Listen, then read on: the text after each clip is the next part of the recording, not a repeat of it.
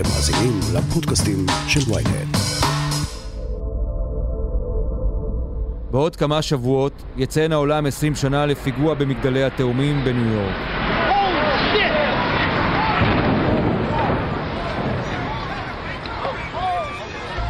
באותו היום העולם השתנה וגם החיים של כולנו. בשנים האחרונות עסקה קבוצה של חוקרים ישראלים באיסוף חומר למחקר היסטורי ששופך אור חדש על מתקפת הטרור הגדולה בתולדות האנושות. יורם שווייצר, ראש תוכנית הטרור ב-NSS, הוא אחד החוקרים שהאירוע הזה לא עוזב אותו אפילו לא ליום אחד.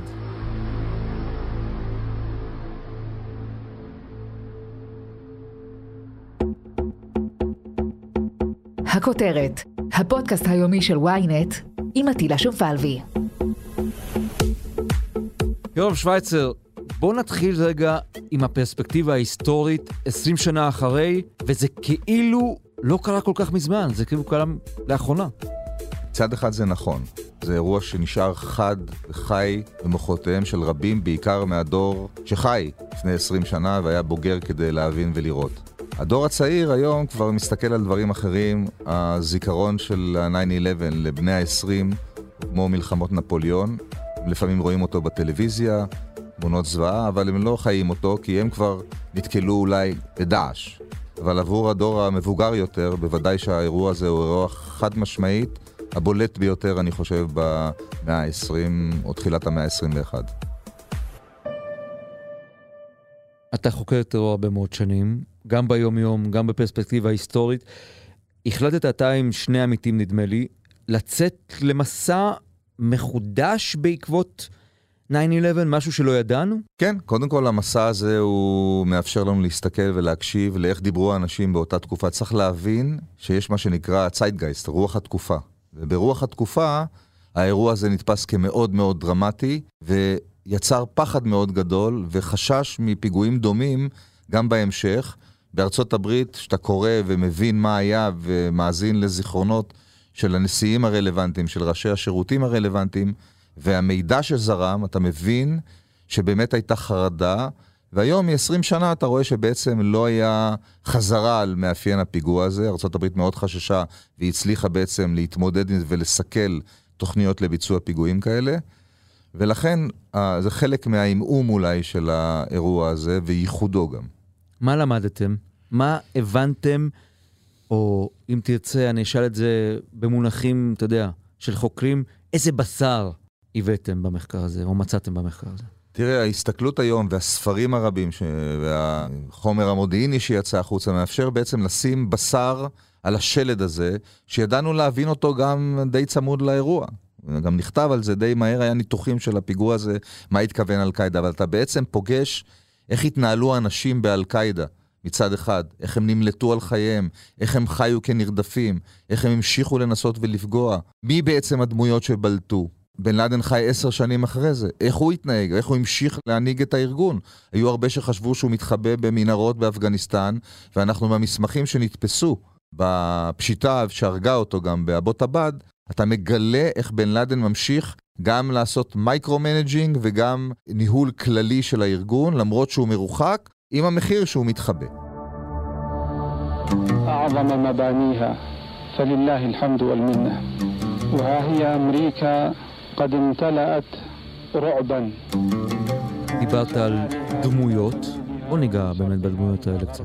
תראה, הדמות המרכזית שצצה ועולה זה בחור בשם חאלד שייח' מוחמד. חאלד שייח' מוחמד זה היה האיש שניהל, הגה, הביא את הרעיון לבן לאדן. הוא הציע לו אותו כבר ב-96. כשבן לאדן גולה מסודאן לאפגניסטן, האדון חאלד שייח' מגיע לאפגניסטן ומוכר לבן לאדן תוכנית. התוכנית הזאת שהוא מציע התבססה בעצם על שני מרכיבים שהתרחשו ב-93 וב-95. ב-93 היה פיגוע התאומים הראשון ב-World Trade Center, פיגוע שביצעו אנשים שהיו בוגרי אפגניסטן, ובפיגוע הזה הם רצו להוריד את שני מגדלי התאומים, שמו משאית תופת עם חומר נפץ מאולתר בניו יורק. הפיגוע לא יצא להם כמו שהם רצו, הם רצו למוטט את המגדלים עם המים של האדסון, הרגו שישה אנשים, פצעו אלף שנשמו לא טוב, והמשיכו הלאה. ב-95, אותו בחור בשם רמזי יוסוף והדוד שלו, ח'אלד שייח' מוחמד שלנו, מנסים כבר לממש תוכנית גרנדיוזית של לפוצץ 11 או 12 מטוסים בטיסה באוויר מדרום-מזרח אסיה לארצות הברית. התוכנית הזאת סוכלה כתוצאה מתקלת עבודה, פרצה שרפה בדירת האמל"ח, ח'אלד שייח' נמלט, ואז הוא בא עם ההצעה הזאת לבן לאדן, בן לאדן שמקבל אותה ב-96 אומר תעזוב אותי, אני עסוק, רק עכשיו הגעתי, תן לי להתמקם, מזמן אותו ב-99, ואז מתחילים לרקוח ולשייף את התוכנית הגדולה הזאת לתוכנית שמתאימה, בסופו של דבר מומשה בפיגועי ה-9-11. כלומר, נישואי הכלים לא כל כך צלחו. לא, הם לא צלחו. אותו ח'אלד שייח' מוחמד, שהיום אנחנו יודעים, הוא נעצר רק שנתיים אחרי ה-9-11. כלומר, לקח לארה"ב שנה וחצי לתפוס אותו, לקח לה חצי שנה לזהות אותו, כאיש שעומד מאחורי הפיגועים, לא ידעו עליו, כי הוא לא נחשב כמישהו מאל-קאידה. הוא לא היה חבר אל-קאידה בזמנו. ולכן, כשתפסו אותו, כשזיהו שהוא הדמות המרכזית, בוצע כמובן מצוד בינלאומי אחריו, ולקח שנה וחצי מה-9-11 לתפוס אותו, ואז אתה מגלה את המשמעות שלו לפיגוע, את היחסים שלו עם בן לאדן סביב הפיגוע. ח'אלד שייח' מוחמד באופיו ובהתפתחות שלו היה רחוק מלהיות עושה דברם של אחרים. הוא היה בן אדם עם הרבה אגו, עם הרבה יוזמה, עם יכולת להנהיג אנשים. כשהוא מצטרף בסופו של דבר לאל-קאידה, רק ב-99 נותן שבועת האמונים, הוא מנהל את הפיגוע והוא לא נותן לבן לאדן להתערב יותר מדי בארגון הפיגוע. מדהים, לא ידענו את זה. תמיד התייחסנו לבן לאדן כמוח, כמנהיג, כיוזם. זה תכף ניתן לבן לאדן את מה שמגיע לו, אבל ח'אלד שייח' מוחמד עפף את האנשים שלו, את האנשים המבצעיים שהוא ניהל אותם, וכאשר למשל ראש הקבוצה, אותו מוחמד עטה המצרי, אומר לו, תשמע, אני לא יכול, בן לאדן רוצה שאנחנו נוריד את הבית הלבן מהמטוס. אומר לו, מוחמד עטה שטס, טיסות ניסוי, אומר, תשמע, היעד קטן מדי, הוא מוגן מדי, אני לא יכול. אני מציע את הקפיטול. ובן לאדן מנסה להתעקש, ללכת על הבית הלבן, בסופו של דבר, ח'אלד שייח' מוחמד מגבה את מוחמד עטה ואומר לו, בוא נלך עם האיש בשטח. בן לאדן, אחרי ההתעקשות שלו, מקבל. מצד שני, למרות שח'אלד שייח' מוחמד הוא נותן את הגיבוי לאנשים גם בסכסוכים פנימיים שהיו בתוך הקבוצה, היו גם בתוך הקבוצה של הטייסים, ביניהם היו חיכוכים כמו בין בני אדם. בן לאדן, הגדולה שלו בראייה הארגונית באירוע הזה היה שלמרות שבהנהגה של אל-קאידה הייתה התנגדות מצד מועצת השורא, חברים רבים ממועצת השורא התנגדו ואמרו לבן לאדן שהוא ימית אסון לא רק על אל-קאידה כתוצאה מהאירוע הזה, אלא גם על הטליבן, שבן לאדן נשבע אמונים למול העומר, למנהיג של הטליבן, הוא מפר את שבועת האמונים, ולימים באמת הארגון חטף מכה, מצד אחד הוא קיבל תהילה גדולה מאוד, מצד שני הוא בעצם נעקר מאפגניסטן, ספג מכות קשות, ולימים התאושש כי האמריקאים סטו לכיוון עיראק ועזבו אותו קצת באפגניסטן. Today, our fellow citizens, our way of life, our very freedom came under attack in a series of deliberate and deadly terrorist acts. The victims were in airplanes or in their offices. אם נעזוב רגע את אל-קאעידה ונקפוץ לאמריקנים עצמם, מה הם לא ראו? הם לא שמעו? הם התעלמו? היו המון דוחות שאמרו, בואנה, זה, זה היה על השולחן. קודם כל, כמאמר שירו של אריאל זילבר, אנחנו בדיעבד רואים 6-6. אז ב hindsight, כמו שהם אומרים, הם ראו את כל מה שהם לא ראו קודם. מצד אחד אמרתי לך, הייתה כבר תוכנית לפוצץ מטוסים באוויר, כולל בחבורה הזאת של הפיגוע ב-95, אחת המטרות שעלו בראשם, חוץ מהמטוסים האלה, היה גם להכניס מטוס למטה ה-CIA עם טייס מתאבד. כלומר, זה היה ידוע, הפרטים האלו הועברו לאמריקאים.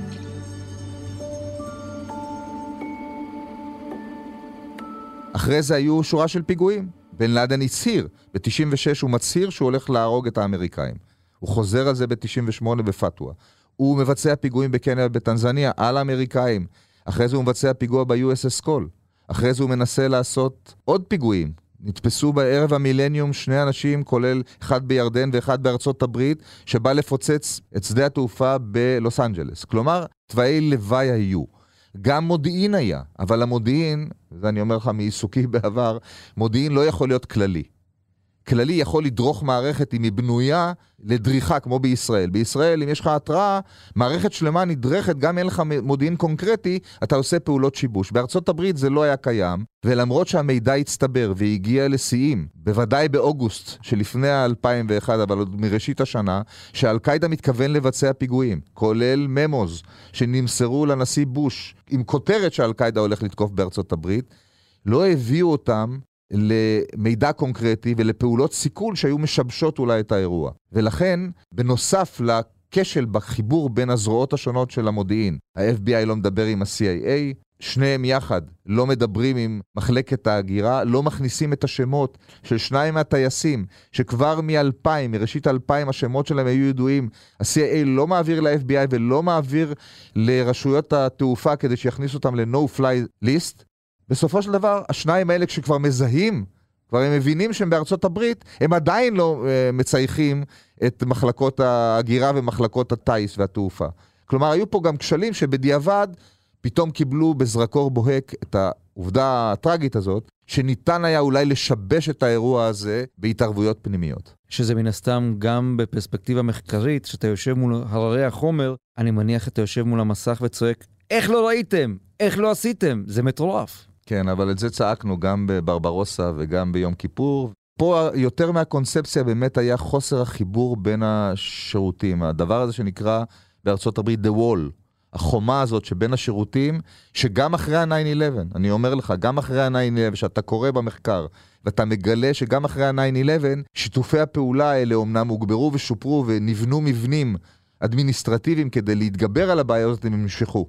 יש בחור אחד שעקב אחרי אותו חאלד שייח' מוחמד בפיליפינים, אחרי ה-World Trade Center, אחרי 93, עוקב אחריו לאורך כל השנים עד, עד ה-9-11, והוא לא מוזמן להשתתף בחקירה של, 9, של חאלד שייח' מוחמד שהוא נתפס. הבחור הזה פוגש אותו לא ב-2003, אלא רק ב-2007, פעם ראשונה. משהו נלמד? כלומר, אם אנחנו מסתכלים על התקופה הזאת, אם אנחנו מסתכלים על הפיגוע הזה, יש לקח אחד מרכזי שאפשר להגיד, הנה, העולם, המערב, למד מהפיגוע הזה? אני חושב שכן, אני רוצה דווקא להתייחס, אחרי שחימרנו בשירותי הביטחון, אני חושב דווקא צריך להדגיש, קודם כל את העובדה שארצות הברית הצליחה, בסופו של דבר, למנוע הישנות של פיגוע נוסף, דרמטי, בסדר גודל כזה, וגם בסדרי גודל נמוכים יותר, בשטחה. זאת הייתה המטרה העיקרית שעליה הם יכולים להגיד שהם בעצם ביצעו את המשימה.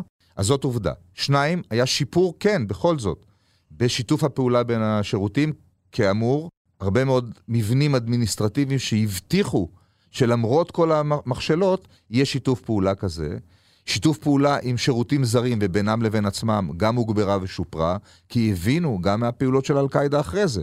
היו פיגועים, אני מזכיר לך, במדריד, בלונדון, בטורקיה, בעוד כל מיני מקומות. שיפרו את שיתופי הפעולה. אבל עדיין, החללים האלה, ותמיד בסופו של דבר, חוסר שיתוף פעולה מצד אחד, ושיתוף פעולה בין בני אדם פרטיים שמתגברים על המבנים והמכשולים הבירוקרטיים, הם אלה שמסייעים לסכל טרור. מיד, נמשיך עם הכותרת. אבל לפני כן, הודעה קצרה. אהלן, זה עופר שלח. אני רוצה להזמין אתכם להאזין לפודקאסט החדש שלי מבית ynet. קוראים לו האמת היא, ובכל שבוע אני אשוחח בו עם דמות אחרת על סדר היום העתידי של ישראל, שזו דרך יפה להגיד שנדבר על כל מה שבאמת חשוב שהפוליטיקה תעשה בשבילנו. אז חפשו האמת היא באפליקציות הפודקאסט שלכם, יהיה מעניין. האמת היא, עם עופר שלח. עם עופר שלח.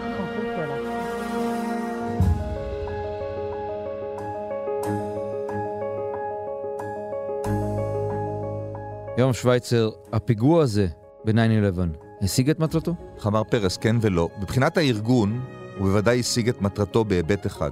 אותו היבט שהארגון קיבל הרבה מאוד מתנדבים אחרי זה, השיג הרבה מאוד כספים, המשיך לפעול, שם את עצמו בתודעת ההמונים והעלה מבחינתו, כמו שאוסמה בן לאדן אמר, אחריי יבואו אלפי אוסמות, ומנגד, אותם דברים שהזהירו את בן לאדן מפניהם, אותם אלה שהתנגדו להחלטה הזאת והנימוקים שלהם, שאל-קאעידה והטליבן סולקו ונעקרו מאפגניסטן למשך הרבה שנים. היום אנחנו רואים שוב, בגלגל ההיסטוריה, שבימים אלה ארה"ב נסוגה מאפגניסטן, והטליבן עומד אולי בפני כיבוש מחודש של אפגניסטן.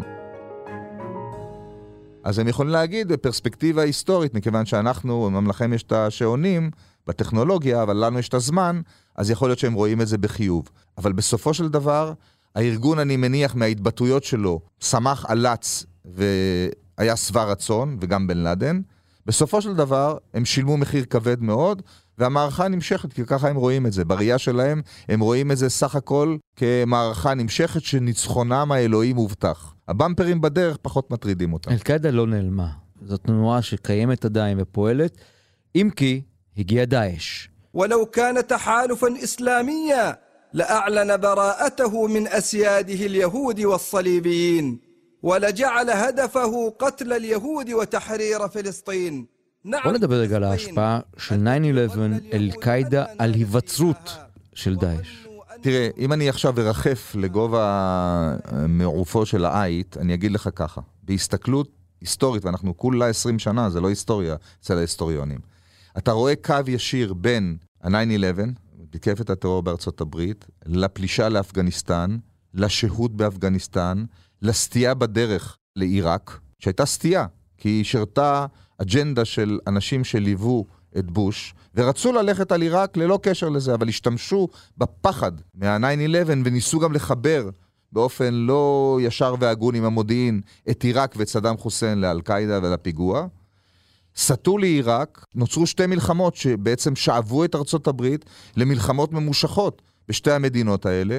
בסופו של דבר, הפירוק של משטר סדאם חוסיין העלה את איראן למעמד שאנחנו רואים אותה כמעצמה הגמונית, ואת ארצות הברית להוצאה של ביליונים ולשימוש, לתשלום של דמים, ואז בתוך עיראק המפורקת, כאשר המשטר השיעי מפלה את הסונים, צומח לו דאעש, מנצל את הטינה הסונית ואת האביב הערבי שמצטרף גם הוא לתוך ההיסטוריה, ויחד יוצרים בעצם את מה שנקרא דאעש, המדינה האסלאמית, והמדינה האסלאמית שחיה חיי פרפר של חמש שנים, היא יוצרת שוק, הפעם לא באמצעות פיגוע ספציפי, אלא באמצעות התנהלות והכיבושים שלהם. אכזריות זה הברוטליות רובספיירית, כמו שקראנו לזה, ובסופו של דבר גם הם הובסו צבאית, אבל כמו שאמרתי לך, גם הם רואים בזה במפר און דה רוד. אגב, ארגון כמו אל-קאעידה יכול פתאום לצוץ שוב ולהפתיע אותנו? תראה, אני לא יודע אם זה יהיה אל-קאעידה המתחדש או דאעש המתחדש, שניהם פעילים, גם היום. שני הארגונים האלה פעילים מאוד. השלוחות שלהם פעילות מאוד. צריך להבין שהם בנו להם לא רק את הארגון, ארגוני הליבה, אלא גם זרועות ושותפים שפעילים בכל מיני מקומות בעולם, שפרוסים בכל מיני... והזרועות האלה פעילות מאוד כל יום. כל יום יש פעילות טרור, בוודאי בחודש יש עשרות פיגועי טרור ברחבי העולם שמזוהות עם המחנה הזה, שהוא משלב גם את אל-קאעידה וגם את דאעש, ואנחנו קוראים לו הסלפי הג'יהאדי, המחנה הזה חי, הוא רק מחכה. תראה, הנתוני היסוד לא השתנו במזרח התיכון וגם במדינות אחרות. עוני, שחיתות, היעדר משילות, טינה של ההמונים, נוער צעיר, הגירה, כל הדברים האלה הם חומרי הליבה שלהם. עכשיו צריך אולי שאו יתרחש איזה אירוע היסטורי שיביא אותם לשוב התפרצות מחודשת, כי הם מקננים מתחת, או מנהיג חדש, או אירוע ספציפי, או מדינה שנופלת לידי ארגון סלאפי ג'יהאדיסטי שיכול להוות בסיס, כל אלה הם פוטנציאל להתחדשות.